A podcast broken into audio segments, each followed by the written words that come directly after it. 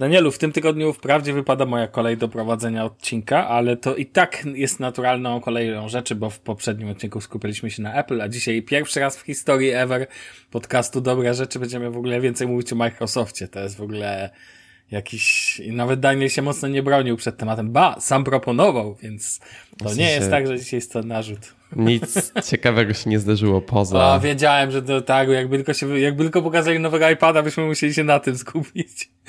Nie, ale tak całkiem serio, powiem ci, że byłem, byłem na początku zszokowany, bo wchodzę po konferencji Microsoftu, zaraz oczywiście do niej przejdziemy też e, na stronę pewnego znanego portalu technologicznego i z ciekawości spojrzałem, czy w ogóle oni o tym piszą. Czy polskiego, Bo czy nie- jakiego? Polskiego, polskiego, O, takiego znanego, okej. coś tam od sieci i tak dalej. E, I powiem ci, że nie było nic na początku, ale później muszę przyznać, zrobili cały dział Windows 11, no bo to będzie dzisiaj sporo o Windowsie 11, więc, więc okej, szanuję, rozumiem. E, w ogóle zaraz przejdę jeszcze do takich całych reminiscencji związanych z konferencją, ale najpierw chciałem się zapytać, czy masz coś ciekawego na początku, co, o czym chciałbyś powiedzieć słuchaczom? E, może jakiś follow-up, może jakieś, e, co się zdarzyło w tym tygodniu, czy w tym tygodniu nuda bieda?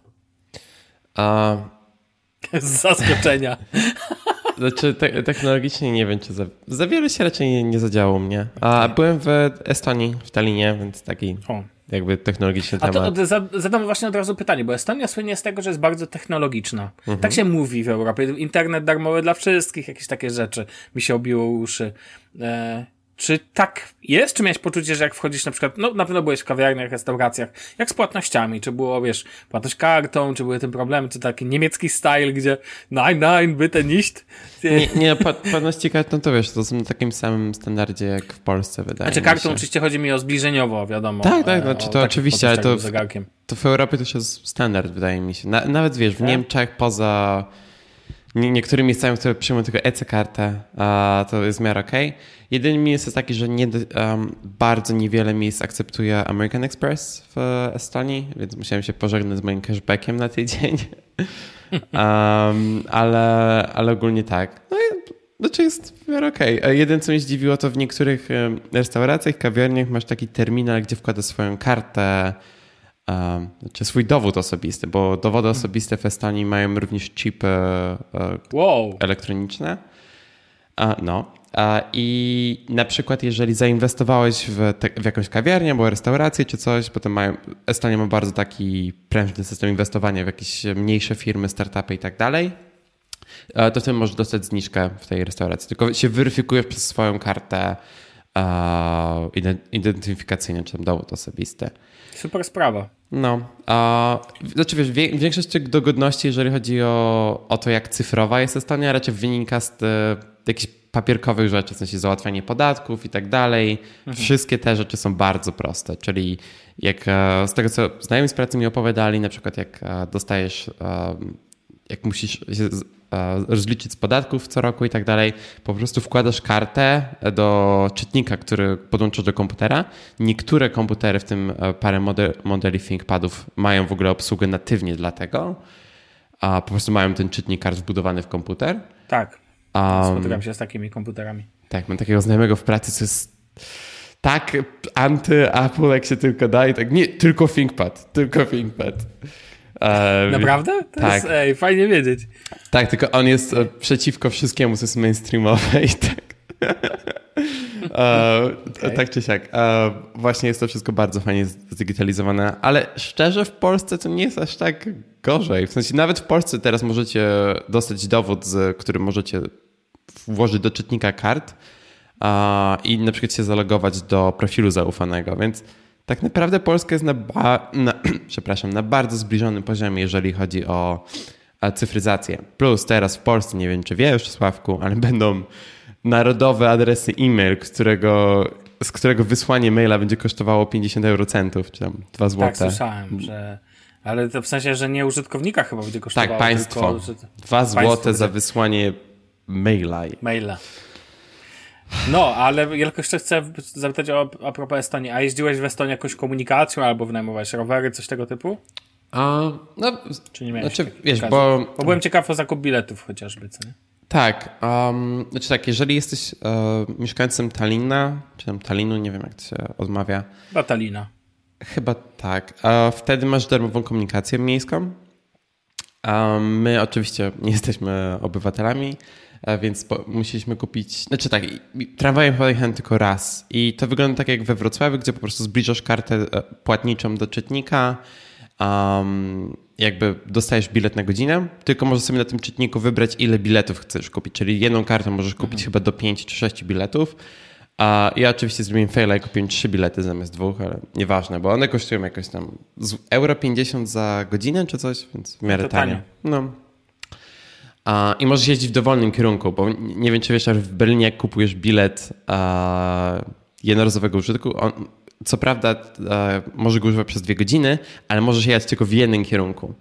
Więc... Tak, ja zawsze zastanawiam się, jak wygląda kontrola tego. No, Jak to też... udowadniają ci przy kontroli, bo ten wiesz, wiesz, że jakby masz przejazdowy na kierunek, no tak. ale jak? No w sensie, no jak nie, może akurat Szczególnie jak ringbanem jedziesz. W sensie... Tak, ringbanem, dokładnie, no. który otacza Berlin dookoła. No jak, no, jak nie mam pojęcia. wyjaśnić? No ale um, cóż, to już inny temat. No, ale w każdym razie to teraz poprzednio jest tak, możesz przez jakąś aplikację kupić, ale szczerze ta aplikacja jest tak tragiczna, że w życiu bym tego nie używał. Okej. Okay. A to jedno, drugie Bolt, a na pewno każdy z nas z Polski. A teraz w ogóle no tak. swoją drogą do Berlina też wszedł i do paru innych niemieckich miast. A, i, Bolt jest oczywiście firmą z Talina, Talinu. Um, więc jakby. Tak? Bo... nie wiedziałem. Tak, tak, tak. Więc Bolt, e, też Bolta używaliśmy sporo. Zarówno samochodów, jak i e, tych e, skuterów, znaczy hulajnóg elektrycznych. Powiem tak, mhm. Stalin jest tragiczny, jeżeli chodzi o ścieżki rowerowe. Chyba widziałem jedną ścieżkę rowerową, jak byłem w Talinie, a, ale jeżeli chodzi o skutery i tak dalej, tam spokojnie możesz po ulicy jeździć, możesz jeździć po chodniku, jeździć gdziekolwiek chcesz. Um, I cenowo to wychodzi tak dobrze, bo za minutę to jest 12 eurocentów i nie masz żadnej opłaty początkowej. Co ciekawe, teraz te, e, te hulajnogi Bolta są również w Berlinie, tyle że w Berlinie one kosztują 5 centów za minutę i darmowe mhm. odblokowanie. To jest chyba tylko na czas, jak wchodzą na, na ten rynek tutaj w Berlinie, ale na przykład um, hulajnog Lime, czyli wiesz, ta największa firma, jeżeli chodzi tak. o hulajnogi elektryczne, w Berlinie na start musisz zapłacić euro, a potem każda minuta jest 50 eurocentów. Czyli jak sobie porównasz wow. ten cenik, 5 centów i 0 opłat. No 10 na, razy, tak? No. I 0 opłat na początek. To jest bardzo duży uh, deal. No tak. Więc uh, Tallinn jest na tyle mały, że hulajnogami tak naprawdę wszędzie dojedziesz i nie, nie wiem, my za większość przejazdów płaciliśmy jakieś 2 euro za osobę czy coś. Mhm. No i Boltem tam chyba jeździliśmy parę razy, bo to też kosztuje jakieś grosze. Chyba z Starego Miasta na lotnisko i w drugą, znaczy z lotniska na Stare Miasto i w drugą stronę chyba każdy przejazd nas, nas kosztował jakieś 5 euro czy coś takiego, więc... Um, to to tanio nie jest. Co? Jest tanio. Znaczy w, w tym sensie, ale te, te podstawowe te są, nie, te lajmy są... A, lajmy w Berlinie są drogie, tak, tak, tak. Tak, tak, tak, a w Talinie akurat jest tak, tak. No. Tanio, no spoko, no to... To dobrze wiedzieć. Może kiedyś się wybiorę do Estonii, chociaż ja no teraz nie samolotem, ale wiesz. No teraz z tym pas paszportem covidowym, czy jak, jak to się tam nazywa, jest tak, bardzo tak. łatwo. Znaczy wiesz, do no, tak. Estonii nie było żadnego problemu, żadnej kontroli ani nic. To było ciekawe. W sensie po prostu weszliśmy, pojechaliśmy na lotnisko w Berlinie, polecieliśmy, byliśmy na lotnisku w Estonii i tyle. W sensie nic, nic się nie stało. I na lotnisku się zorientowaliśmy, że w Estonii trzeba nosić masek. Um, właśnie był e, strażnik i strażnik nie nosił maski. Tak strasznie dużo ludzi w, w, w naszej okolicy też nie nosiło masek. Tak się pytamy, czy trzeba w ogóle nosić maski tutaj, czy o, o co chodzi? I on, on, mówi, że nie, że od dwóch tygodni nie trzeba, czy coś takiego. O. Um, to jedno, w drodze powrotnej do Niemiec e, oczywiście, znaczy tak, na, na, początku na lotnisku w Tallinie musieliśmy pokazać certyfikaty, że dostaliśmy szczepienie.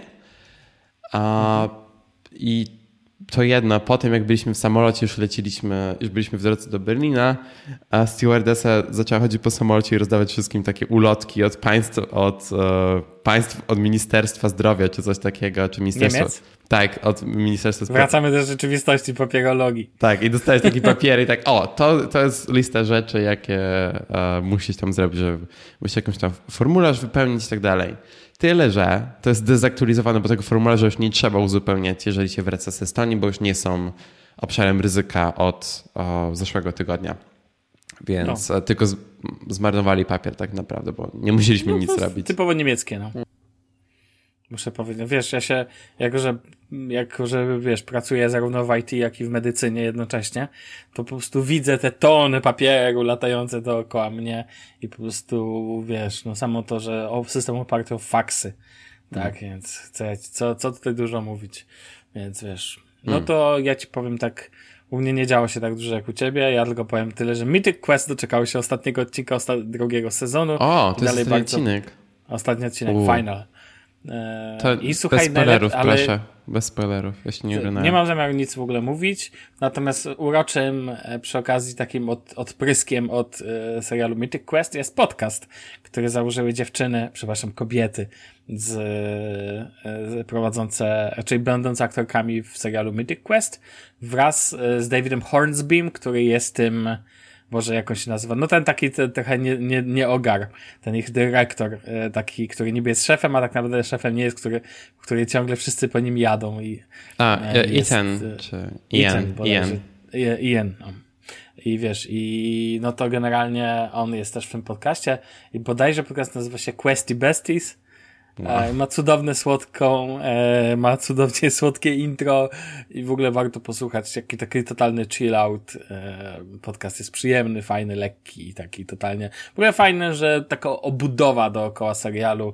Jestem bardzo za i w ogóle jest to jeden z lepszych seriali, jaki widziałem w tym roku kalendarzowym, więc, więc bardzo, bardzo, bardzo polecam. Chociaż wiem, że nie każdemu przypadnie do gustu, ba, niektórym słuchacze już do mnie pisali, że nie każdemu on pasuje, więc, więc wiesz. A niektórym pasuje Ted Lasso, no.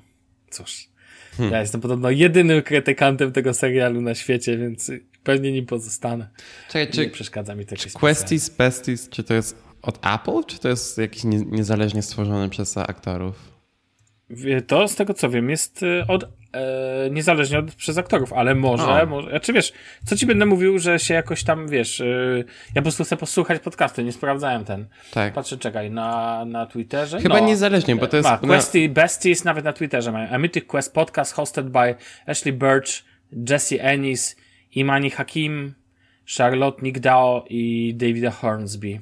Spoko. A w ogóle najprzypadek, nie wiem, czy ja ci to mówiłem? Mówiłem tutaj, że Ashley Birch E, która gra jedną z testerek, jest jednocześnie znaną podkładaczką głosów pod e, postaci w grach i między innymi podkłada głos do głównej postaci w grze no i teraz fajnie, The Horizon, the new, czekaj, New Horizon? Boże, jak A, na, od PlayStation, tak?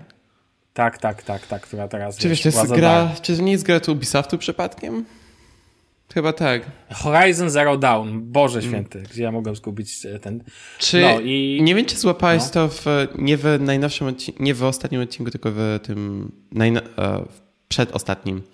A no. właśnie były fragmenty z tej gry, bo wiesz, tam zawsze są jakieś fragmenty tak, z różnych gier. Tak, tak, tak, złapałem oczywiście. Tak. Mówię, what, what the fuck? No. Tak, tak, tak. I były na 100% fragmenty z Horizon Zero Dawn, tak. No, bo to, to wydaje mi się, że to jest tak, że po prostu Ubisoft udostępnił te materiały, je macie, użyjcie sobie tego. Pewnie tak, tak, użyjcie do swojej tej, ale no. e, w ogóle, no, więc klimatyczne, e, klimatyczny serial i w ogóle super, super, super polecam.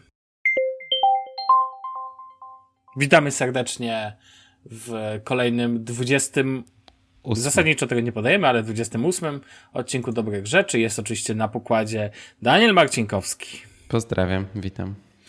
Jestem ja, Sławek Agata. Cześć, Sławek. I tak jak tak, ja już tak już pędzę do tego Microsoftu, już nawet nie, nie dam zacząć poprzedniego odcinka nawet, ale tylko powiem, że, że dzisiaj porozmawiamy sobie o tematach związanych z konferencją Microsoftu, i ty widziałeś, rozumiem, skrót, nie, co tutaj nie będziemy ukrywać. Albo cztery wielkiego. skróty widziałem. Czy to... Więc zapewne, zapewne widziałeś cokolwiek przerywniki z przerywniki samego, jak to przebiegało.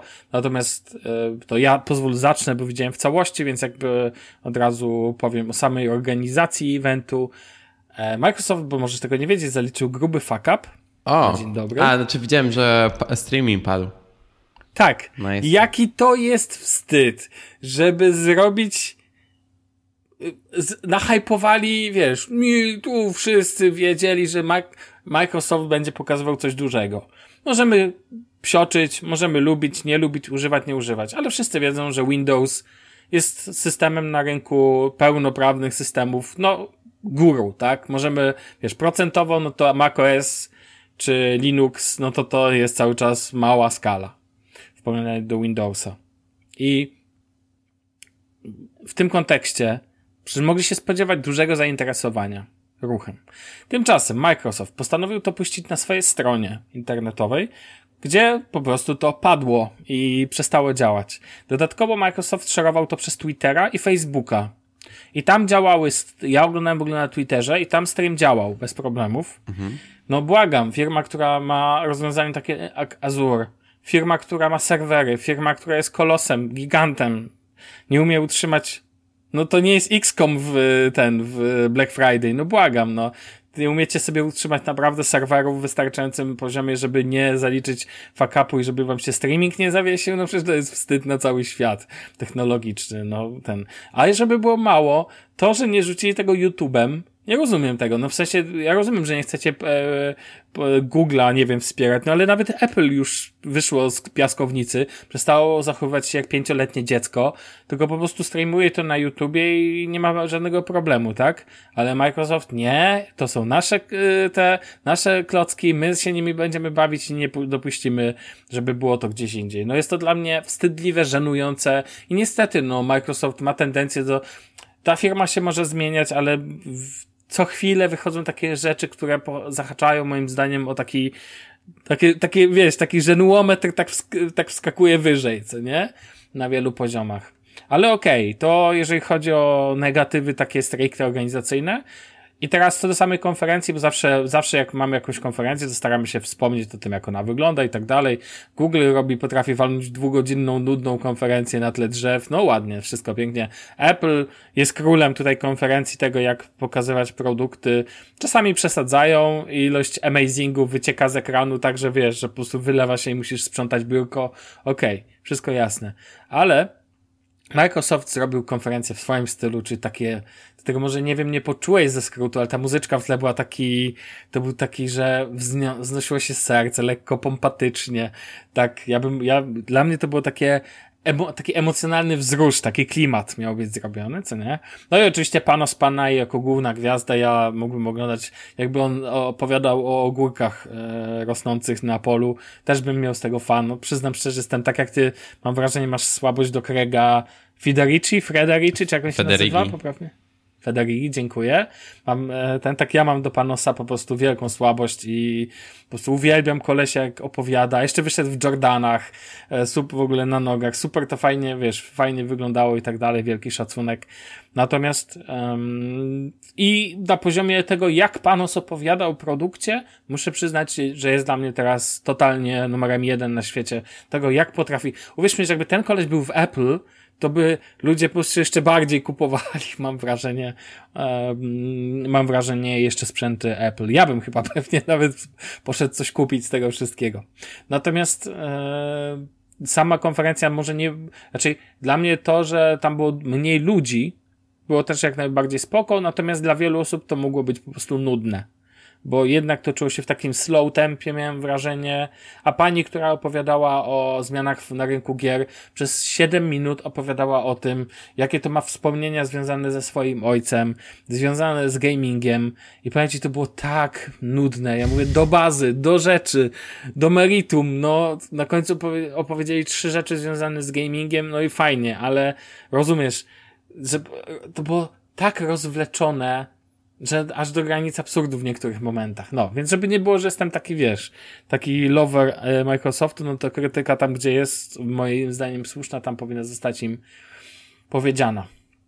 I teraz ogólnie możemy tak e, porozmawiać sobie o tym, co zostało. Po... A chyba, że ty masz jakieś przemyślenie, udało ci się coś złapać z tych skrótów, które widziałeś. Że chodzi o taki wizual, czy coś ci się e, rzuciło w oczy. Znaczy widziałem, tylko, no, widziałem tylko skrót, jak tam um, pana pokazywał, jak Windows 11 wygląda i był na jakimś takim tle, który wyglądało jak z tych wideo Microsoftu. Tak, tak, trochę tak. Właśnie o to chodzi, że te tła były rozmyte i przez to ciężko było w ogóle, nie wiem jak to nazwać, tak jak w, e, w konferencjach Apple wiesz gdzie jesteś, mhm. tak tam to było jakieś wirtualne przestrzenie. Okej, okay, spoko, no, znaczy, no wiesz, Google okay. zrobił na w naturalnej przestrzeni. Nie powiem, czy to było złe, czy dobre, no było przyjemnie, no, dla mnie. Znaczy ja preferuję też jak to jest takim w miarę naturalnym otoczeniem. W sensie, wiesz, Apple też tam uh, próbuje z różnymi rzeczami i tak dalej, ale nie wiem, wygląda to bardzo nienaturalnie. To, to, mi się też nie podoba w konwencjach Samsunga, że one zawsze są takie... O tak, tak, tak. Samsung zawsze z tyłu, za sobą musi mieć kolosalny ekran. Taki ja mam wrażenie, że jak Samsung nie zrobi wielkiego ekranu za plecami prowadzącego, to nie będzie Samsungiem. Mam wrażenie, że to jest też pokazanie siły. Mhm. Taki, nawet wiadomo, że te ekrany to są łączone, wiele ekranów, tak? Ale po prostu, wiesz, jakby mam wrażenie, że w ten sposób. Ja najbardziej lubię konferencję, ostatnia konferencja Google była dla mnie najładniejsza pod względem takim, pomijam samą realizację późniejszą, ale takiego środowiska, w której się zaczynała, jakby. Mhm. Bo tam było to, wiesz, kilka osób na leżaczkach, jakby takiej rzeczywistość, tak? Było naprawdę przyjemnie tak eko, bym powiedział. Była taka trochę cringe'owa ta konferencja Google, na przykład jak e, e, Sander Piczaj coś mówił i nagle wszyscy zaczęli klaskać, tak on się dziwnie patrzył tylko w ekran, tak nie wiem. No to inny temat, fakt, fakt, fakt. Słuchaj, jeżeli chodzi, myślę, że możemy przejść. No, możemy pójść w linii, w, którą, w której ty jakby tutaj wpisałeś, więc od, zacznijmy od wyglądu. Mhm. Windows 11 do, ma doczekać się, znaczy do, doczeka się totalnego, um, totalnej przebudowy wizualnej na poziomie tej um, powierzchni. I teraz. Nie powiedziałbym totalnej, ale dosyć, e, dosyć gruntownej. No okej. Okay. E, racja, aczkolwiek pamiętaj, że głównym elementem Windowsa zawsze pozostaje menu Start, e, które próbowano usunąć w Windowsie 8. E, I co by nie powiedzieć, to pasek zadań, tak? Jako, tak jak w Macu rządzi dock, tak tutaj pasek zadań jest elementem e, podstawowym i przeniesienie go natywnie na środek jest jakimś tam wydarzeniem. E, dodatkowo dodanie zmiana samego wizualu menu start także jest, no bo menu start jest elementem integralnym bodajże od czasów Windowsa 3.11 albo Windowsa 9.5, nie pamiętam. Mhm. Więc wiesz, jest, jest z nami z tą przerwą na Windowsie 8, gdzie tam wiesz, gdzie próbowano wyrzucić do kosza coś, co jest taką rzeczą, która jakby mam wrażenie stanowi o Windowsie, jakby. Są, są rzeczy, które bym po prostu nie zmienił. To tak jakby próbować zmienić filozofię w macOSie, że na, kiedy otwarta aplikacja na górze ma ten pasek, ja nie wiem jak się profesjonalnie nazywa, Menu ten bar. pasek, w którym dziękuję, main bar, a dock jest elementem dolnym. Wiesz, w Windowsie działa to od zawsze inaczej. Tutaj działa to w ten sposób, jest rozbite na dwa elementy, e, na dwie części. I jakby, jakby działało jedno od góry, drugie od dołu, no i tak dalej. No i jakby to są takie elementy wizualne systemu, które są dla mnie totalnie nie do ruszenia. I tego typu zmiany są dość spore. Natomiast faktycznie uważam, że że to jest tylko ta pierwsza powierzchnia.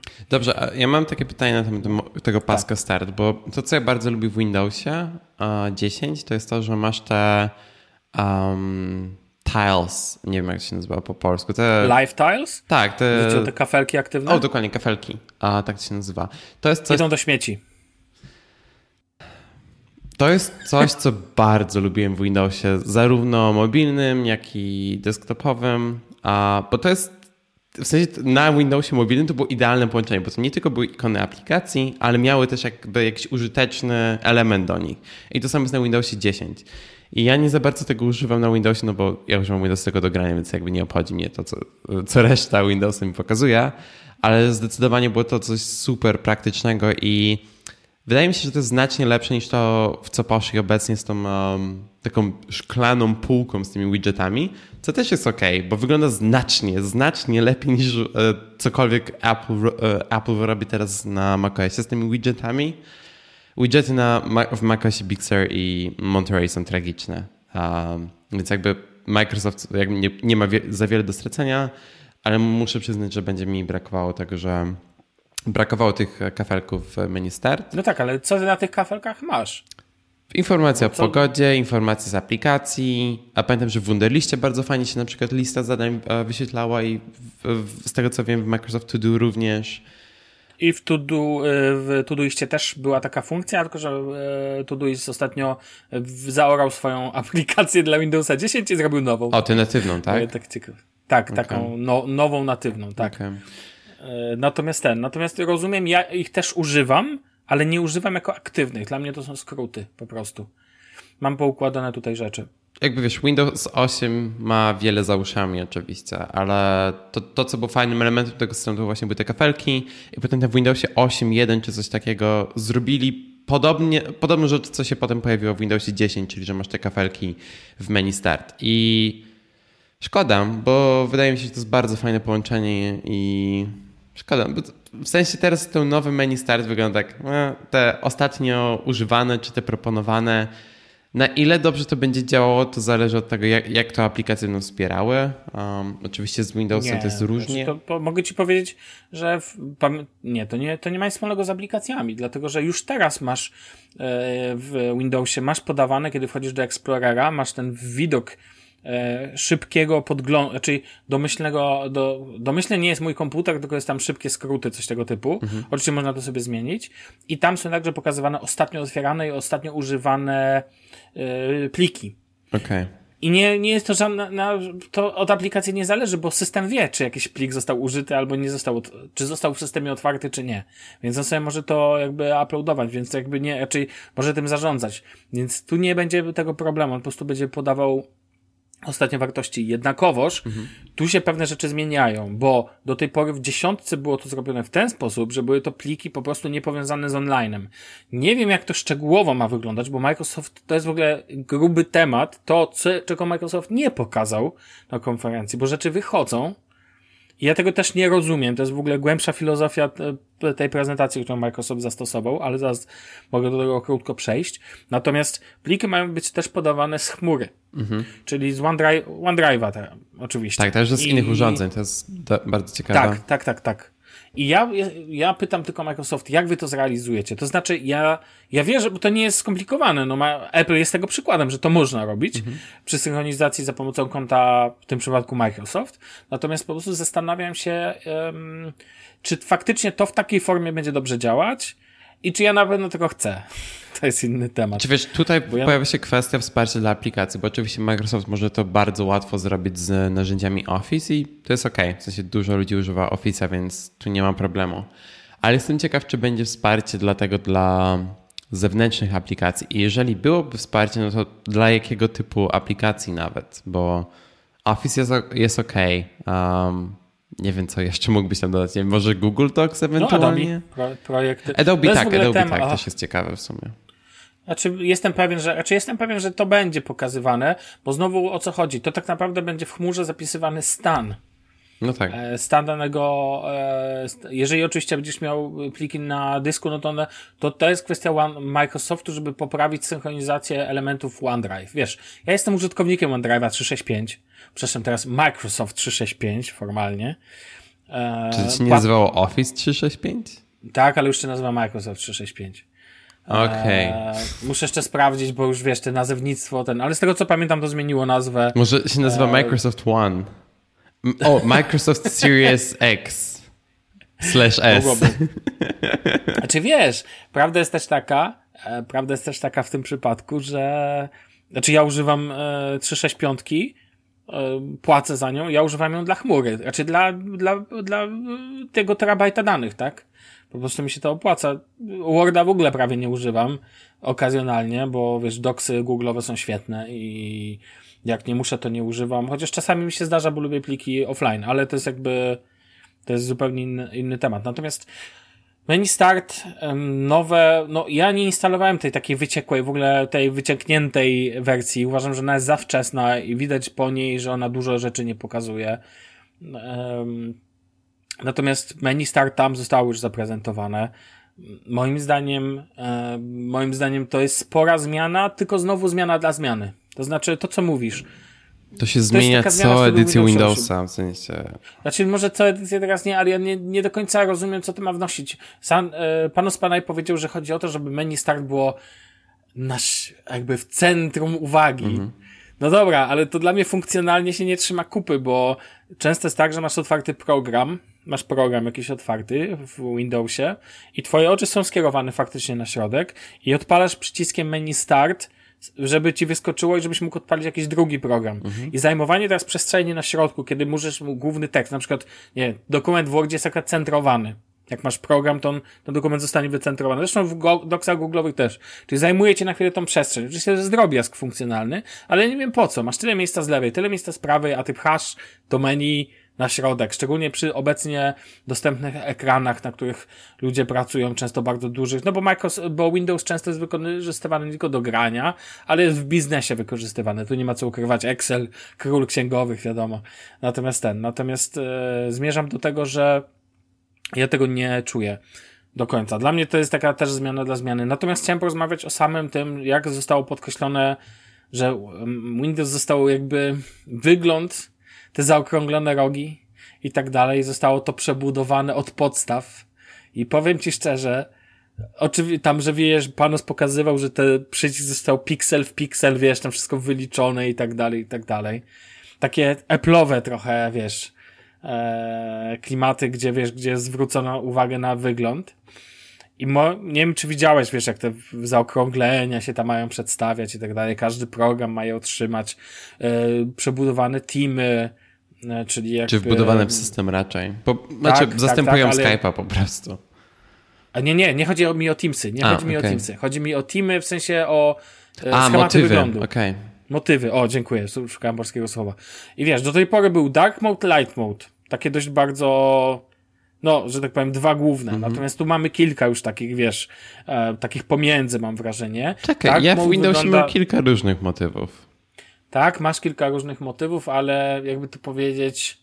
No dobra, okej, ra- co racja, to racja, faktycznie, jakby się na tym przyjrzeć, to one są w Windowsie, ale mam wrażenie, że zostały teraz wyciągnięte mocniej. To trochę tak jakby, to takie jakby, jak słynne, jedna z konferencji E- Apple, gdzie było zwracana uwaga na przykład na bardzo mocno na dark mode. No tak. I Samsung mówiący przez 30 minut o tym, że ich telefon jest teraz matową czerń i ta czerń ma swoją nazwę. I tutaj mniej więcej takie miałem poczucie właśnie. Natomiast muszę przyznać, że Dark Mode w tym, co Microsoft pokazał, wygląda zjawiskowo. Mi się mega podoba z tym oszkleniem. W ogóle to oszklenie kojarzy mi się z Windowsem 7. Tam były takie szklenia systemu operacyjnego i ja zawsze lubiłem tą półtransparentność e, taką opartą jakby na takim matowym szkle. Mi się to zawsze podobało, bolało mnie później, że w dziesiątce zostało to na początku wycięte, później zostało powoli przywracane. Natomiast ja tak naprawdę chciałem zapytać ciebie, bo ja to sobie mogę mówić, ale uważam, że prawdziwie e, dobre spojrzenie to ty możesz mieć jako użytkownik z boku, że tak powiem. Widziałeś w ogóle ten, widziałeś, pewnie widziałeś ten też Filmy filmik prezentacyjne. Microsoftu ja zawsze oglądam. No, No właśnie, w ogóle bardzo ładny ten filmik dwuminutowy z hakiem pokazujący takie podsumowanie zmian. Jak ci się widzi ten taki właśnie przeszkleniowy wizual, który masz trafić do Windowsa 11 w kontekście Windowsa 10? To znaczy on nie jest daleko od tego, co już obecnie masz w Windowsie, wydaje mi się. Um, jakby jest trochę więcej elementów, które mają to przeszklenie może, ale to nie jest daleko od tego, co już jest obecnie w tym systemie tak naprawdę. Um, nie wiem, ba- na przykład w Windowsie bardzo mi się podoba ten efekt, jak masz e, widget kalendarza w pasku e, zadań i masz ten taki fajny efekt jakby na takim szkle i te krawędzie się tak zaznaczają i tak dalej. Bardzo mi się to podoba. Więc jakby jak ma być więcej takich elementów, to jestem bardzo za. bardzo mi się ogólnie ten wizual Windows, Windows 10 zawsze podobał, więc jakby fajnie, że Microsoft idzie bardziej jeszcze w tym kierunku. Um, co, e, jeszcze, um, na temat tych motywów, co jeszcze wspomniałeś, bardzo, bardzo mi się podoba ta opcja, że możesz mieć wiele różnych e, um, pulpitów. Jakby to było w Windowsie wcześniej, jest też w macOSie.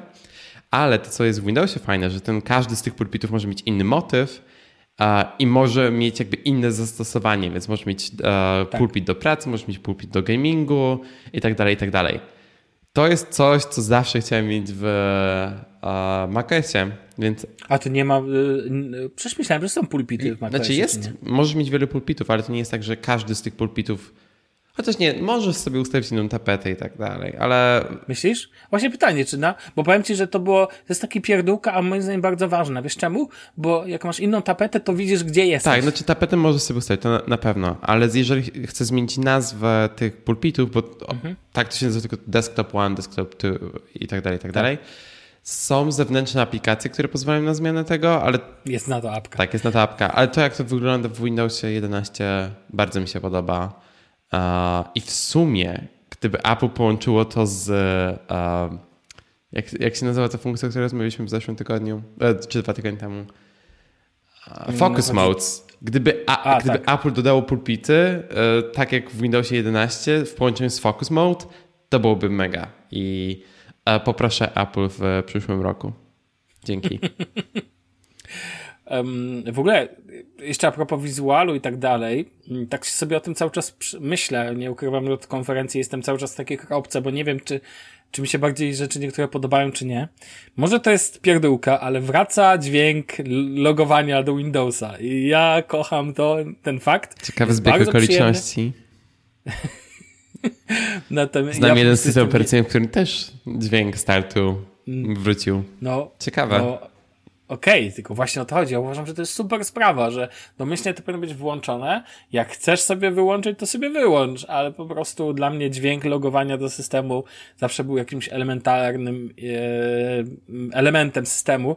Dźwięk jest bardzo przyjemny, możecie go znaleźć chyba na, e, na Twitterze, Słysza, słuchałem go Toma Warrena z The Verge w ogóle muszę powiedzieć, że jestem e, pod dużym wrażeniem, znaczy nie wiem, czy, że tak powiem, Microsoft płacił Verge'owi, ale tak podobało mi się, jak zachodnie, że tak powiem, media mocno żyły tematem. Na przykład Verge to wiesz, cała pierwsza strona właściwie Microsoftowi poświęcona, bo nie ukrywam, że czasami mam wrażenie takiej Apple-centryczności amerykańskich e, mediów technologicznych. Natomiast tu muszę powiedzieć, okej, okay, uważam, że to było bardzo jakby takie, kiedy jest konferencja Apple, powinno być o Apple, mhm. kiedy jest konferencja Microsoftu pokazująca najważniejszy system operacyjny świata, tak naprawdę musi być tak, tak naprawdę o Microsoftie i faktycznie mocno, mocno szli w, tej, w tą stronę i to było bardzo ok.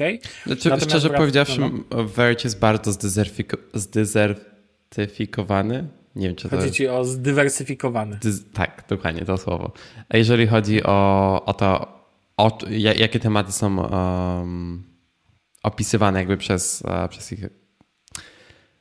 Cały, cały czas chcę powiedzieć po angielsku. Uh, przez jakby ich autorów czy uh, mhm. dziennikarzy. Twórców, no. Twórców. Mhm. Więc na przykład jest Tom Warren, o którym właśnie wspomniałeś, on zawsze pisze o tematach związanych z Microsoftem, z Xboxem i tak dalej, więc zdecydowanie bardzo fajnie tak, można powiedzieć, że przejął na ten dzień antenę Verge'a. Tak. Bo oczywiście z tym serwisem nikt nie oczekuje, że Windows Central będzie pisać, w ogóle Windows Central polecam, główne guru e, serwisów o Windowsie w Stanach Zjednoczonych. Nie będzie pisać o, o Microsoft, o tym, o Apple, a nie wiem, e, podaj mi jakąś nazwę serwisu Apple super znanego. Uh, Macrumors? No na przykład Mac nie będzie pisał o, nie będzie pisał o Windowsie, co nie? To jest oczywiste, nikt tego nie oczekuje. Ale takie serwisy jak wiesz, The Verge, czy właśnie Wired, czy inne, wiesz, y, Engadget i tak dalej, fajnie, żeby dywersyfikowały treści. Natomiast ten, natomiast wracając już do samego Windowsa, te zmiany wizualne um, obejmują nie tylko powierzchnię tą podstawową, ale także jak wejdziemy głębiej, to potrafi, to możemy znaleźć, wyobraź sobie, czego nie pokazano na konferencji, że totalnie zostały przebudowane ustawienia. To znaczy panel hmm. sterowania, tylko że nie mówię o oldschoolowym panelu sterowania, bo on tam dalej jest głęboko. Tak, oczywiście warto powiedzieć, że Windows 11 właściwie nie za bardzo na podstawie takiego wizualu wstępnego dalej masz, jak wejdziesz im głębiej w system, tym bardziej cofasz się w czasie. To jest cała ta zasada pozostała. Natomiast na przykład ustawienia zostały totalnie przebudowane. mi się podobają, pewnie nie widziałeś, bo to nie było pokazane w ogóle na konwie, co w ogóle mnie rozwala. Y, więc jakby widzę, że po prostu układają, przemienia, przebudowują i tak dalej. Będzie zmiana też samego tego szybkości, jak będą wydawane aplika update'y, ale może o tym chwilę później. Natomiast, um, co, aha, ważne, ważne do powiedzenia, coś co tu zapisać, że menu start można dalej przenieść na lewą stronę. Tak. Natomiast ekstremalnie ważnym newsem, moim zdaniem, to jest naprawdę ważny news dla wielu, jest to, że od tej pory pasek zadań w Windowsie 11 na ten moment jest niezmienialny pozycyjnie. Do tej pory bardzo wielu użytkowników, w tym ja, używało paska zadań z boku dla oszczędzenia pionowej przestrzeni. Ja na laptopie służbowym tak pracuję. E, znam ludzi, którzy używają na górze paska zadań. Natomiast do tej teraz będzie możliwe tylko i wyłącznie używanie na dole. Co? Czemu? Tak, będzie. To jest dobre pytanie, nie wiem. Czemu? Nie wiem, ale to jest, przeczytałem w trzech, czterech źródłach, jestem tej informacji pewien na 100%. Że zostało to, nie będziesz mógł sobie ustawić z lewej strony na przykład albo z prawej. Nie, będzie na dole i koniec. Będzie na to aplikacja. To jest takie 100%. bardzo, nie, nie, nie lubię takich rzeczy, to znaczy uważam, że e, będzie z tego dym, bo ta funkcja jest jak z tego motywu z TPM-em, bo uważam, że em, to jest wbrew pozorom drogi Microsoftie ważny temat dla wielu, gdzie trzymają pasek zadań. Ek, ekstremalnie ważny element systemu, tak, tak naprawdę. To jak sobie go używasz i gdzie sobie go ustawiasz. E, więc uważam, że to trochę słabo.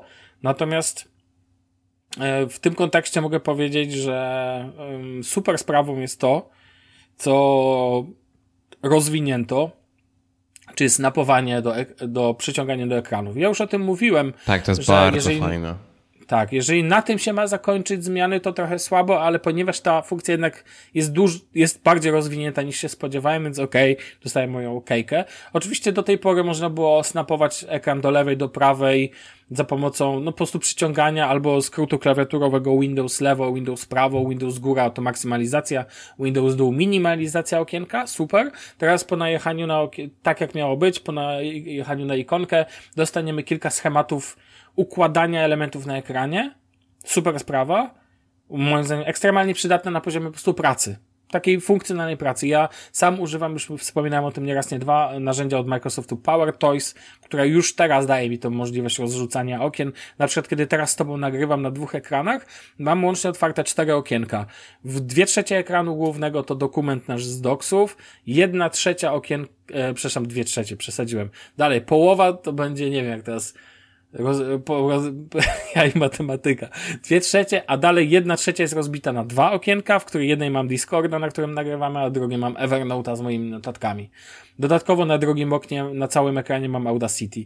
Więc jakby tego typu rozrzucanie ekranów jest dla mnie funkcją kluczową i szczególnie przy dużych ekranach, tak? A powiedzmy sobie szczerze, monitory rosną, i ludzie przycze- często przyczepiają teraz te, wiesz, yy, sam pewnie, no sam używasz jako dodatkowego ekranu przypiętego do laptopa, tak? No, no tak pracujesz po prostu jak bardzo wiele osób.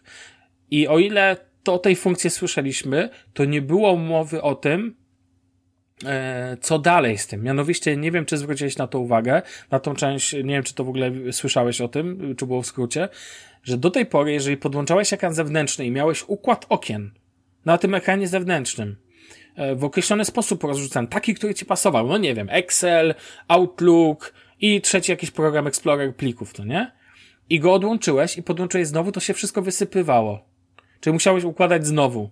Odłączasz ekran do e, wiesz, zewnętrzny, podłączasz go znowu, no i to się wszystko sypie. Na przykład pracujesz przy swoim biurku, macie o 11 kola w pracy, musisz iść do sali konferencyjnej. Standardowa sytuacja w każdym polskim korpo.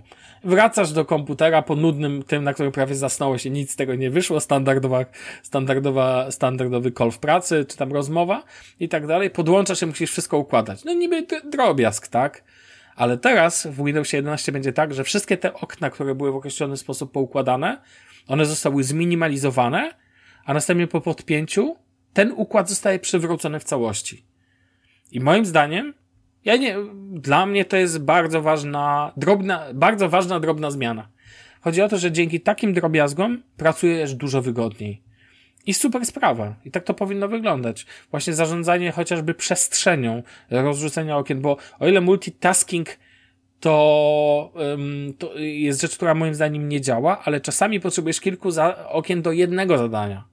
Bo musisz mieć pliki, bo musisz mieć dokument, bo musisz mieć, nie wiem, jakiś yy, Slack, cokolwiek, czy Microsoft Teams i tak dalej, i tak dalej. E, więc e, super, że coś takiego wchodzi. Fajnie, gdyby. Rozumiem.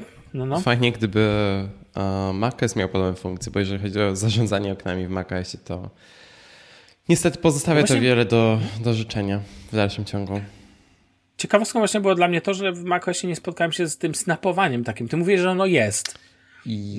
E, Że można przyciągnąć jakby na przykład do lewej, prawej i wtedy automatycznie system ci rozrzuca inne okna. To znaczy, masz podobny system jak na iPadzie, że możesz sobie wrzucić aplikację na pełny ekran i potem możesz Mhm. sobie wrzucić jeszcze jedną aplikację i masz taki pasek, gdzie możesz zmienić ich wielkość. Um, to jest jedno. Są jeszcze aplikacje. Oczywiście, there is an app for that. Ja używam aplikacji, która się nazywa uh, Rectangle i ona właśnie umożliwia ci na ustawienie okien tak jak chcesz. I ma tam mnóstwo różnych trybów, skrótów klawiszowych i tak dalej. I ona też pozwala na, na takie snapowanie jak w Windowsie. W taki okay. sam sposób. Okej. Okay. Czyli tak jak standardowo, właśnie tak jak powiedziałeś, jest na to apka, więc ten. Bardzo ciekawy, jestem ciekaw, czy zaczną używać dedykowanych pulpitów i coraz mocniej przekonuję się, że pewnie tak, ale, bo dla mnie bardzo kluczowym tematem jest właśnie ta możliwość zmiany tapetu, o której wspomnieliśmy, bo dzięki temu wiem, na jakim ekranie obecnie jestem, tak, że jak sobie ustawię tapetę, nie wiem, czerwonym mono, mono, to wiem, że jest to jakaś tam administracyjne zadanie, a jak na przykład mam ładny, nie wiem, pieska na tle, to w tym momencie widzę, to w tym momencie na przykład robię to czy tamto. Um, słuchaj, myślę, że możemy pójść w, w kierunku, raczej z konferencji na poziomie funkcjonalnym. Ja tak sobie patrzę na to, wiesz, tu ładnie poukładałeś kolejność, więc uważam, że trzeba się tego trzymać. Mało rzeczy mnie zaskoczyło. Natomiast jedna zas rzecz zaskoczyła mnie bardzo i wprawdzie o sklepie Windows za momencik porozmawiamy. Co też było ale zaskoczeniem. Panos, to też było zaskoczenie. Znaczy, to akurat słyszałem, że ma być hmm. Windows przebudowa e, sklep, natomiast e, co było dla mnie zaskoczenie, to kwestia procentowego udziału twórców. No właśnie, ale o, tym, o to mi chodzi, no. Okej. Okay. Natomiast e, totalnie zaskoczyło mnie to, że aplikacje Androida trafiają na, e, na Windowsa. I powiem Ci szczerze, tego akurat się nie spodziewałem. I ja wiem ze sprawy, jak Microsoft to zrobił w kooperacji z Amazonem i Intelem jest tu ma multum pytań. No bo co na przykład, e, skoro e, technologia ta wykorzystuje Intel Bridge, to co z procesorami AMD chociażby, tak? Ja tego nie wiem, nie jestem ekspertem tematu. No ja sam używam AMD, więc wiesz, więc jakby jest to dla mnie ciekawe, ale jednak, co byśmy nie powiedzieli, no bo oni używ będą używać Amazon App Store, czyli alternatywy dla Google Play Store i tak dalej. Natomiast nie zmienia to faktu, że wiele apek tam już jest. I to, że będziesz mógł przysłowiowego TikToka odpalić tak jakby prawie, że natywnie e, na Windowsie, brzmi świetnie. Ja ci powiem, bo byłem pytany o to na Twitterze, czy ja na przykład uważam to za dobrą rzecz i czy w ogóle jakby jakieś zastosowanie. Tego się nie docenia, ale ja zacząłem doceniać, bo ja akurat używam tego, dzięki temu, że mam e, Samsunga Galaxy Note 20, to używam to i tak przez aplikację Your, e, Your Phone, która pozwala mi odpalać normalnie apki na telefonie, przepraszam, na komputerze. Ja używam tego do Revoluta. Hmm. Revo... Revolut nie ma wersji... Ma. Ma już to? Od jakiegoś pół roku czy coś. Bardzo, jest bardzo fajna, widzisz. funkcjonalna. Po, Okej, okay, dobrze polecam. wiedzieć. Ja nie wiedziałem nawet, że jest i odpalałem do tej pory cały czas w telefonie, ale Vivid nie ma. No Vivid To ci gwarantuję. No właśnie, a Vivid, Vivida używam też często i mi się wygodniej operuje na komputerze za pomocą myszki i klawiatury niż ten. E, oczywiście, wiesz, jakieś tam rzeczy, no nie ukrywam, że odpalam czasami gry, na przykład e, the Ages, bo nie chcę mi się Steama odpalać specjalnie, żeby zrobić turę w grze, więc po prostu siedzę przy kompie, odpalam. To oczywiście, e, więc widzę jak najbardziej zastosowanie, szczególnie to jest pytanie do Microsoftu, jak mocno te apki będą współpracować z systemem. Microsoft pokazał tylko jedną funkcjonalność, czyli snapowanie okna. To jest, że możesz sobie z TikToka do snapo tak, to jest super, że jakby wpisuje się to po prostu w standardowe apki, że jakby Alt Taba czy tam Windows Taba odpalasz i możesz to sobie przyciągnąć, czy tam wiesz, za pomocą właściwego tego snapowania na maksymalizacji, e, na batonie maksymalizacji. Natomiast pytanie brzmi, czy na przykład kopiuj i wklej będzie działać między hmm. elementami. No, jak tam pokazano TikToka, ale wyobrażam sobie apki bardziej tekstowe, no chociażby ten Vivi, o którym wspomniałem, dla tych, co nie wiedzą, to taka apka bankowa e, niemiecka. Jak Revolut, trochę jak Revolut taki alternatywa. Natomiast generalnie uważam, że ten, generalnie uważam, że mm, to jest pytanie o współpracę między tymi apkami i jeżeli chodzi o szczegóły implementacji, że musicie założyć konto Amazon, no powiem Ci szczerze, no, no okej, okay, no to jakoś mnie nie, nie martwi, tak? To znaczy, nie, nie jest to dla mnie większym problemem. Wspaniałą informację przeczytałem wczoraj, widziałem, że też to tu dopisałeś. Tak. Według Microsoftu, według jednego z inżynierów Microsoftu będzie można uploadować e, pliki APK. Co dla mnie jest totalnym sztosem. Że będziesz mógł sobie, pytanie jak to będzie rozwiązane. Obstawiam, że i tak będziesz musiał mieć to konto Amazon i tak dalej. Nie wiem, ale jeżeli to będzie prawda, to moim zdaniem będzie też bardzo spora wartość dodana. Ja nie mówię, że to będzie kluczowa funkcjonalność, bo moim zdaniem dużo wa ważniejszy jest chociażby ten motyw ze snapowaniem ekranu w takim realnym, codziennym użyciu. Ale jednak możliwość odpalenia plików APK bezpośrednio w Windowsie brzmi, bym powiedział, tak nawet przełomowo. To znaczy, jest to jakby duża zmiana e, w myśleniu i, i je, ja to, wiesz, już teraz Microsoft Windows ma być taki multisystemowy, bo tak, Linuxa już zaraz, od, wiesz, odpalisz, mhm. tak, w tym. Odpalisz sobie w tym momencie apkę Androida, Czekam jeszcze na wsparcie dla, dla plików DMG, słuchaj. Może kiedy. O, ja bym, wiesz, jakby Final Cut trafił na Windowsa, to ja nie wiem, czy by, prawda, czy by to, czy bym, znaczy Apple by na tym stracił, tak, bo czy, niezależnie od wszystkiego, po prostu sporo osób by poszło po taniźnie na koniec. Natomiast ten, natomiast um, uważam to za dużą rzecz i jestem ciekaw twojego zdania tym, jak ty na to patrzysz? No takie pytanie techniczne a propos tego. Jak, jak to będzie działało z komputerami ARM? To będzie po prostu natywne wsparcie, tak? Gdzie z, w komputerach z Windows, z Intelem będziesz miał po prostu, tego, będzie to używało Intel Bridge. Tak, w komputerach z Intelem będzie wykorzystywać tę technologię Intel Bridge. Jeżeli chodzi o inne komputery, powiem Ci, szukałem informacji, ale właśnie to jest mój zarzut duży do Microsoftu po tej konferencji, że bardzo dużo rzeczy nie wiadomo. Hmm. To znaczy, tam była jeszcze część dla deweloperów potem, ale ona, oglądałem kawałek w ogóle, ale ona skupiała się na, e, skupiała się na wyglądzie, na implementacji GUI i tak dalej, i tak dalej. Hmm. Natomiast niestety tego typu no, rzeczy dopiero wychodzą. Tak samo jak ten sideload właśnie APK, co nie? I moim zdaniem e, to będzie, znaczy wiesz, komputerów z ARM nie ma na razie za wiele na Win. E, no jest Surface Pro e, X, ok. Tak, ThinkPad też tam jest. Tak, tak, tak. Natomiast uważam, że ja obstawiam, że Microsoft zrobi to tak, e, że Microsoft zrobi to źle. Czyli będzie dalej próbował jakoś, jakoś to emulować i tak dalej, zamiast po prostu natywnie wspierać. Zobaczymy. Natomiast to jest moje tylko, znając Microsoft, zrobi to źle. Tak, mm. tak, takie mam przeczucie. Natomiast póki co to jest Plankton. Cały czas na, na, na platformie Microsoft Windows to jest pla, Plankton. To nie jest, to nie Apple. W ogóle to jest też głębszy temat tak. kwestii rozwoju przyszłościowego platform, bo nie będę ukrywał, że a, bo w ogóle pokazano też aktualizację dla wsparcia tabletów. Tego na przykład, że powiększają gdzieś się elementy wizualne i tak dalej. I w tym kontekście naprawdę patrzę na tego Surface'a Pro, nie X, nie myślę w ogóle o tej wersji ARM, ona jest moim zdaniem cały czas na platformie Windows zbyt uboga, jeżeli chodzi o oprogramowanie i tak dalej. E, na przykład na Macu nie rozważałbym żadnej innej opcji niż procesor teraz M1 ja, na 100%. Ja po doświadczeniach ze znajomymi z pracy, praktycznie wszyscy moi znajomi z Talinu mają już komputer z M1.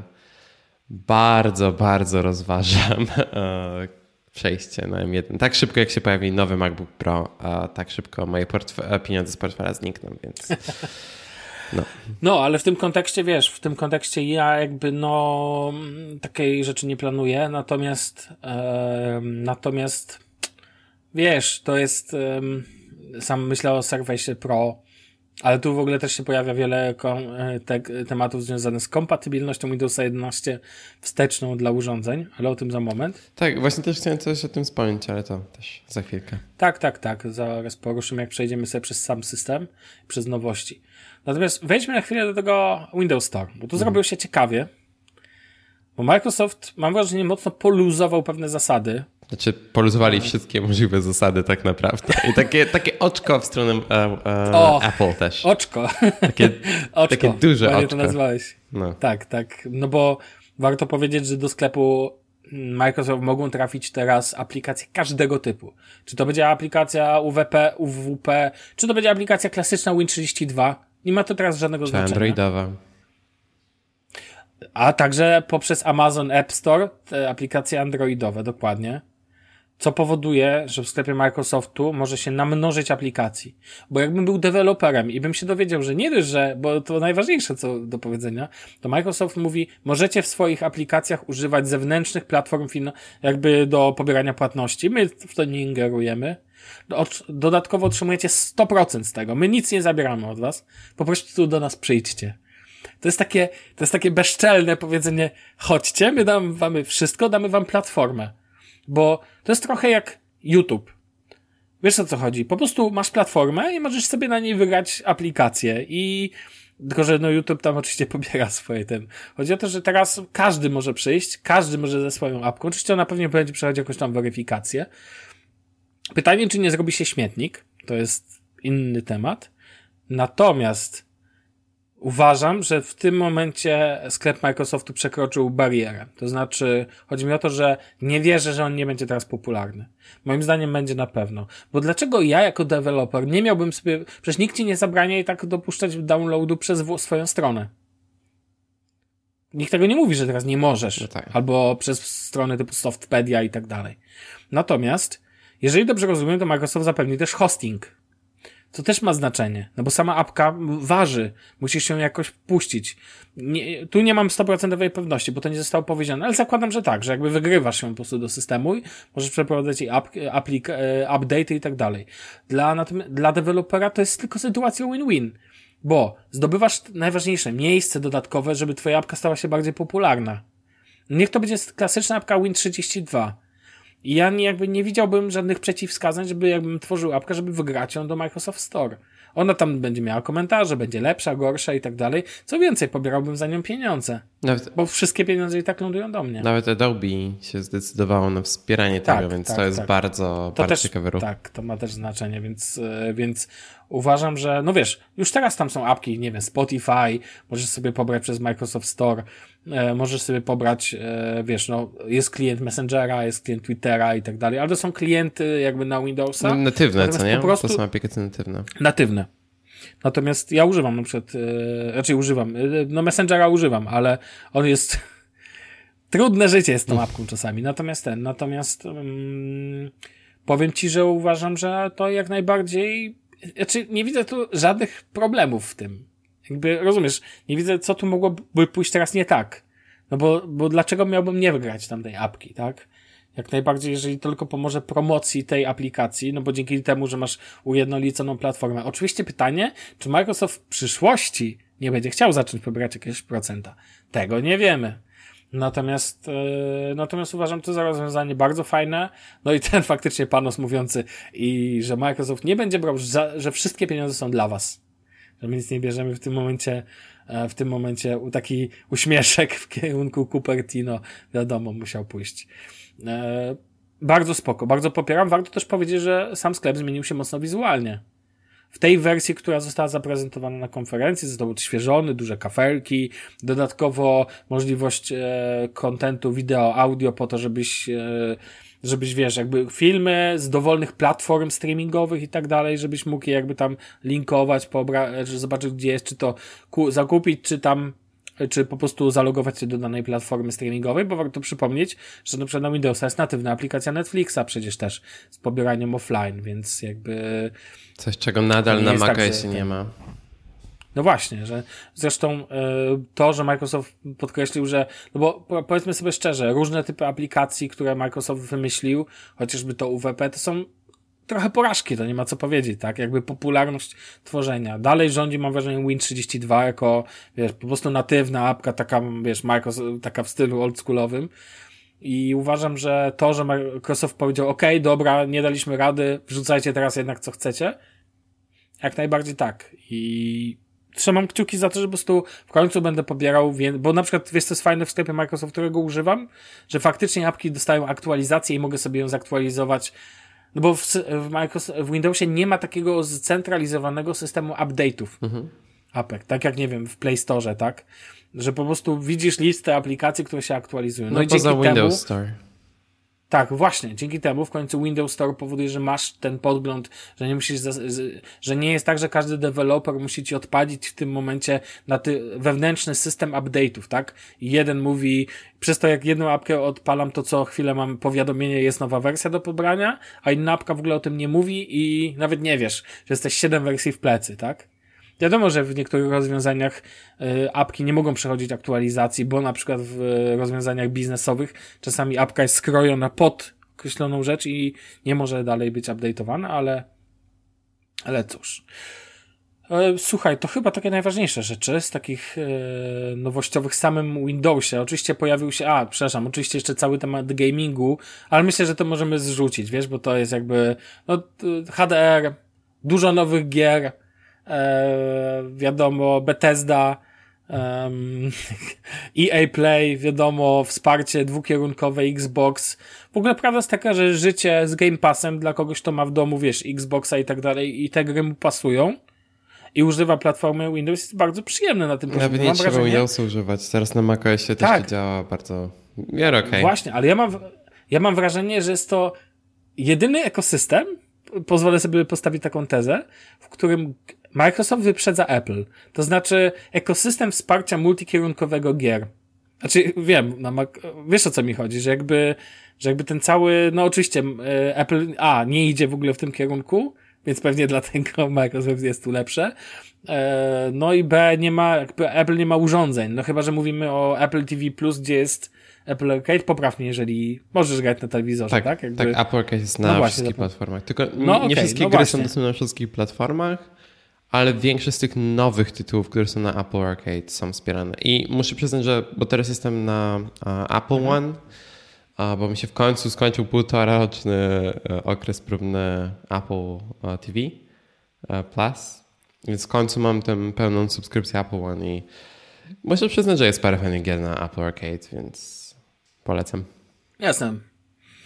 Natomiast ten, natomiast dalej będę jakby szedł na tezę, że jakby jeżeli chce, jesteś gamerem, takim już trochę bardziej zaawansowanym i dodatkowo masz w domu, wiesz, rodzinę, dobra, jesteś tak zwanym panem albo panią 35, nie wiem, plus, dwójka dzieci, lubisz sobie pograć i tak dalej, to potrafię sobie wyobrazić, że rozwiązanie Xbox plus yy, PC jest dobrym rozwiązaniem domowym, o tak, w takim kontekście gamingowym, że jakby to się trzyma kupy, ludzie nie narzekają na synchronizację, ba, mam wrażenie, że Game Pass jest jednym z największych sukcesów Microsoftu ostatnich lat. E, że jakby takie jednolite rozwiązanie, że, że Sony gdzieś zostało w ogóle w jakiś, wiesz, Sony ma ekskluzywy, ekskluzywy i świetne i samą świetną konsolę, ale brak tego takiego jednolitego systemu, którym wszyscy by się zachwycali. No, ale to tak Windows 11 ma zamiar to jeszcze rozwijać, spoko. Mm, natomiast e, warto powiedzieć o tym, co Microsoft jeszcze wy, wyczynia, że tak powiem, z tymi wszystkimi jakby, wiesz, wymaganiami i tak dalej. Bo wyobraź sobie, wyobraź sobie, że wiele Surface'ów, urządzeń od Microsoftu, nie dostanie aktualizacji do Windowsa 11. Hmm. Czemu? Bo ich procesor jest za, za słabej generacji. Z tego co czytałem, to Windows 11 wspiera e, procesory od Intela od ósmej generacji. I niektóre Surface'y, czekaj, chyba Surface Pro 4 i tak dalej, mają generacji szóstej procesor. Czyli nie dostaną Windowsa 11. Ja po, po Microsoftie spodziewałbym się jednak czegoś więcej, lepszej kompatybilności urządzeń wstecznych, bo fajnie, że aplikacje dalej są wsparte wstecznie do takiego poziomu, że odpalisz apki czasami, jak to ktoś powiedział, że z 86 roku. Wszystko super, no ale bez przesady z tymi urządzeniami, tak? No trochę wstyd, że własnych urządzeń nie będziecie wspierać. No, to jedno. Pojawił się też wielki temat tego modułu TPM, związanego Trusted Platform moduł i tak dalej. Wszystko fajnie.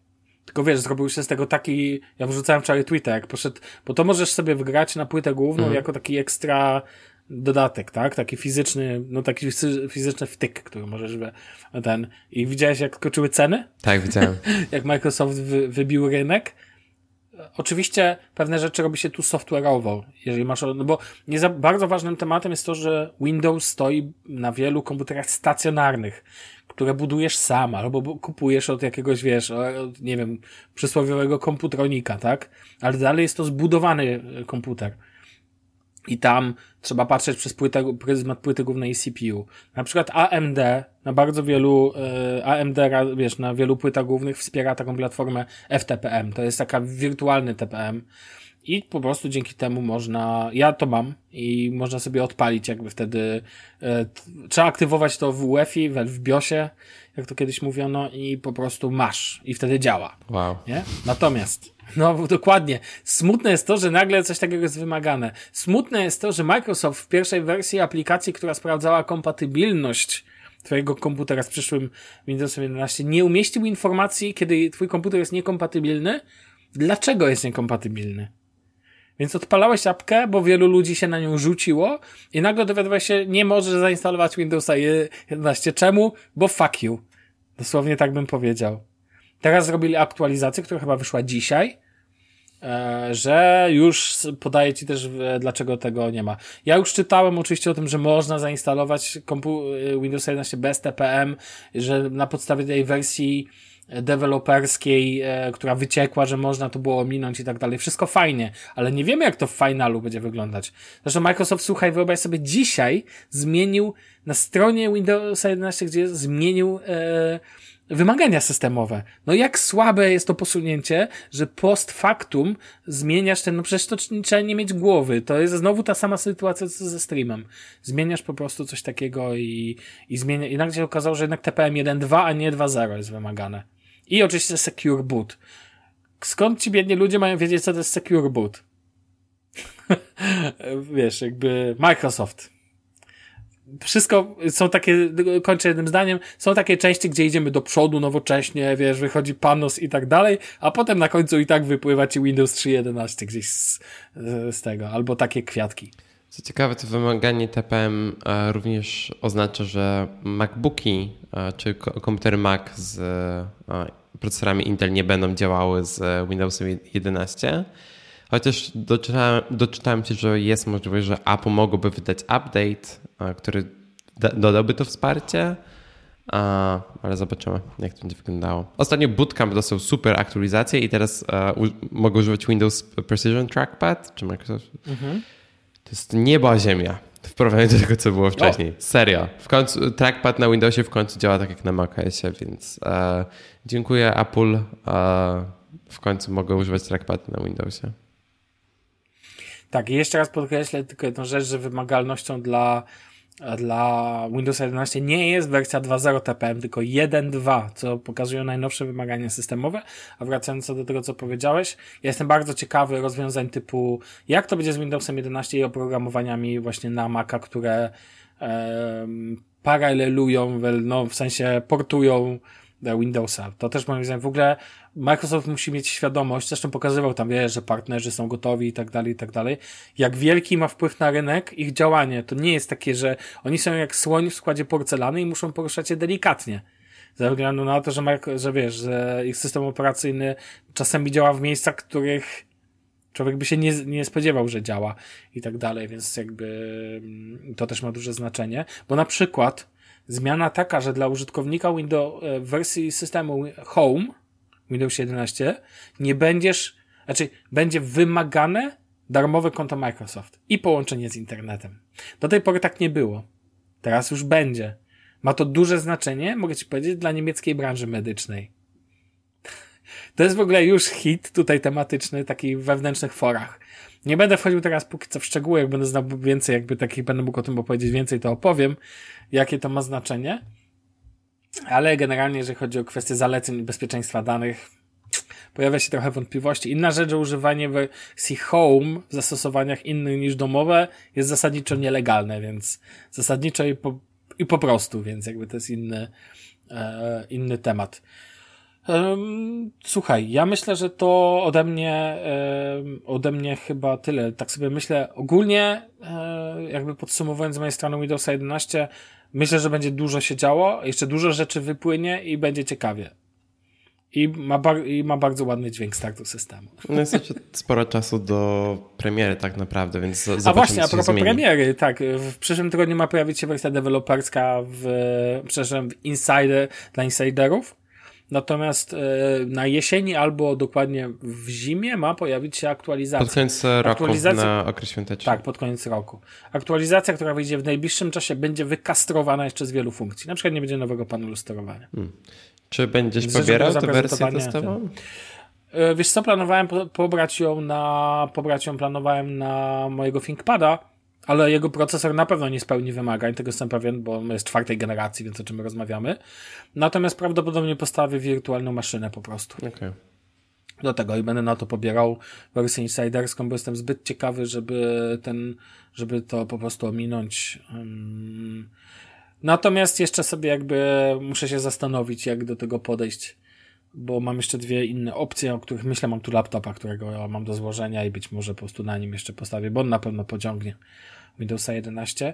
E, w ogóle wymagania sprzętowe nie są zbyt wysokie, tak naprawdę tylko ten procesor jest problematyczny i TPM powinno być spełnione przy wersji 1.2, natomiast ten, natomiast 4 GB RAMu jako wymaganie systemu operacyjnego w dzisiejszych czasach to żaden wymysł nie jest wielki. Natomiast jak będzie, to zobaczymy, jak ten, no. To chyba tyle. Natomiast generalnie mi system się znaczy, bardziej mnie zaskoczył po, po czasie na plus. Na początku byłem sceptyczny, bo myślałem, że tylko zakończyło się na tych czterech rzeczach takich przysłowiowych, które pokazano w tej, które były w wyciągniętej wersji, ale jak człowiek zaczął wchodzić głębiej, wiesz, do tego to wsparcie dla Androida i tak dalej, poza mam wrażenie, że to będzie fajna platforma dalej rozwojowa. No i pewnie tylko pytanie, czy nie skończy się słynnym sinusoidą Windowsa, czyli co drugi system dobry, tak? Ponieważ Windows 10 zalicza się do tych dobrych, to Windows 11 powinien być spartolony. No właśnie, Dopiero dobrym systemem. Właśnie KBH no. miał fajne wideo dzisiaj na ten temat, o, że ja. czy Windows 11 będzie kolejnym z tych złych, czy, czy będzie dobry tym razem. tak, MKBHD widziałem, że też sobie nagrał co nieco, jak to powiedział, że u niego tak naprawdę, u niego on, on, on siedzi na Macu tylko z jednego powodu. Final Cut. Tu się nazywa Final Cut. Dokładnie, więc wiesz, więc to wiele mówi. Eee, a w ogóle tak podsumowując, podoba ci się Windows 11 w takiej formie, to na tym podstawie tego, co zobaczyłeś, czy, czy nie? Jak, jak, jakie miałeś odczucie po zobaczeniu takim kompleksowym tego, co z tych skrótów i tak, tak dalej? Poza, brak, po, poza brakiem tych kafelków, co gdybym używał Windowsa na co dzień, wydaje mi się, że byłby dla mnie dosyć znaczy, brakowałoby mi tego po prostu. Chociaż z tego co wiem, Windows ma te, taki tryb, gdzie możesz wrócić do jakiegokolwiek menu start sobie życzysz, więc możesz mieć cokolwiek tylko tam chcesz. E, więc pewnie mógłbym sobie to ustawić, ale pewnie dałbym szansę temu nowe, nowemu menu start. I podoba mi się, bo wygląda trochę jak taki lepszy Spotlight taki spotlight, który daje ci po prostu jakieś propozycje od razu, jak używasz tego spotlight. Trochę jak spotlight na iOSie, gdzie za każdym razem jak zaczynasz czegoś szukać, wtedy masz różne propozycje, znaczy propozycje rzeczy, które są um, adekwatne do, do, tego, co robisz w danym momencie. Więc pod tym względem to mi się bardzo podoba i w sumie gdyby Apple dodało takie usprawnienie do Spotlight, też bym był um, bardzo zadowolony. Uh, widgety znacznie ładniejsze niż e, na macOSie i wydaje mi się znacznie praktyczniejsze, bo jeszcze raz, wracałem trochę do tego motywu kafelków. oczywiście kwestia tego, jak będzie wsparcie od deweloperów i tak dalej, ale tak długo jak będzie Edge, pogoda i tak dalej, to jakby nie ma co się o co martwić. A raczej więcej rzeczy, nawet bym nie chciał tam mieć. Kalendarz może. A, reszta, tak jak mówię, wygląda bardzo podobnie do Windowsa 10, a wizualnie fanem Windowsa 10 tego natywnego zawsze byłem, jakby tego, jak aplikacje Microsoftu wyglądają i tak dalej. Zobaczymy, jak to będzie wyglądało w aplikacjach firm trzecich. Oczywiście nie mam jakichś wielkich nadziei, bo już obecnie na Windowsie to jest uh, trochę masakra. Ale tak naprawdę zobaczymy. E, co, co ciekawe, za każdym razem jak instaluję aplikację na Macu, która nie jest jakby takim nie wiem, nazwijmy to First Class Citizen, a na przykład mam aplikację od SteelSeries, czyli od, od, mojej myszki do kontrolowania RGB i tak dalej, do kontrolowania światełek. I to jest taka aplikacja, która była po prostu przeportowana z Windowsa. I ona wygląda paskudnie zarówno na Windowsie, jak i na macOSie. A za każdym razem, jak instaluję aplikację na Windowsie, jakąkolwiek, to mam wrażenie, że tam jest z każdą aplikacją w taki sposób. Są aplikacje oczywiście, które trzymają się um, tych zasad, jeżeli chodzi o design, które Microsoft ustawił, ale nie jest to tak wiele aplikacji niestety, e, jak na macOSie przynajmniej. Chociaż może z Windows Store to się teraz trochę zmieni, zobaczymy. Wiesz, tak naprawdę te zaokrąglone rogi trafią de facto do każdej aplikacji, będą narzucane systemowo, więc, więc ale myślę, że dalej taki, taki ujednolicony wygląd, ze względu też na ujedno, nie ma, na braku jednoliconej platformy tworzenia apek, tak nie sądzę, żeby doszło do ujednoliconej platformy, że tak powiem, wyglądu. O, tak, tak bym to ładnie ujął.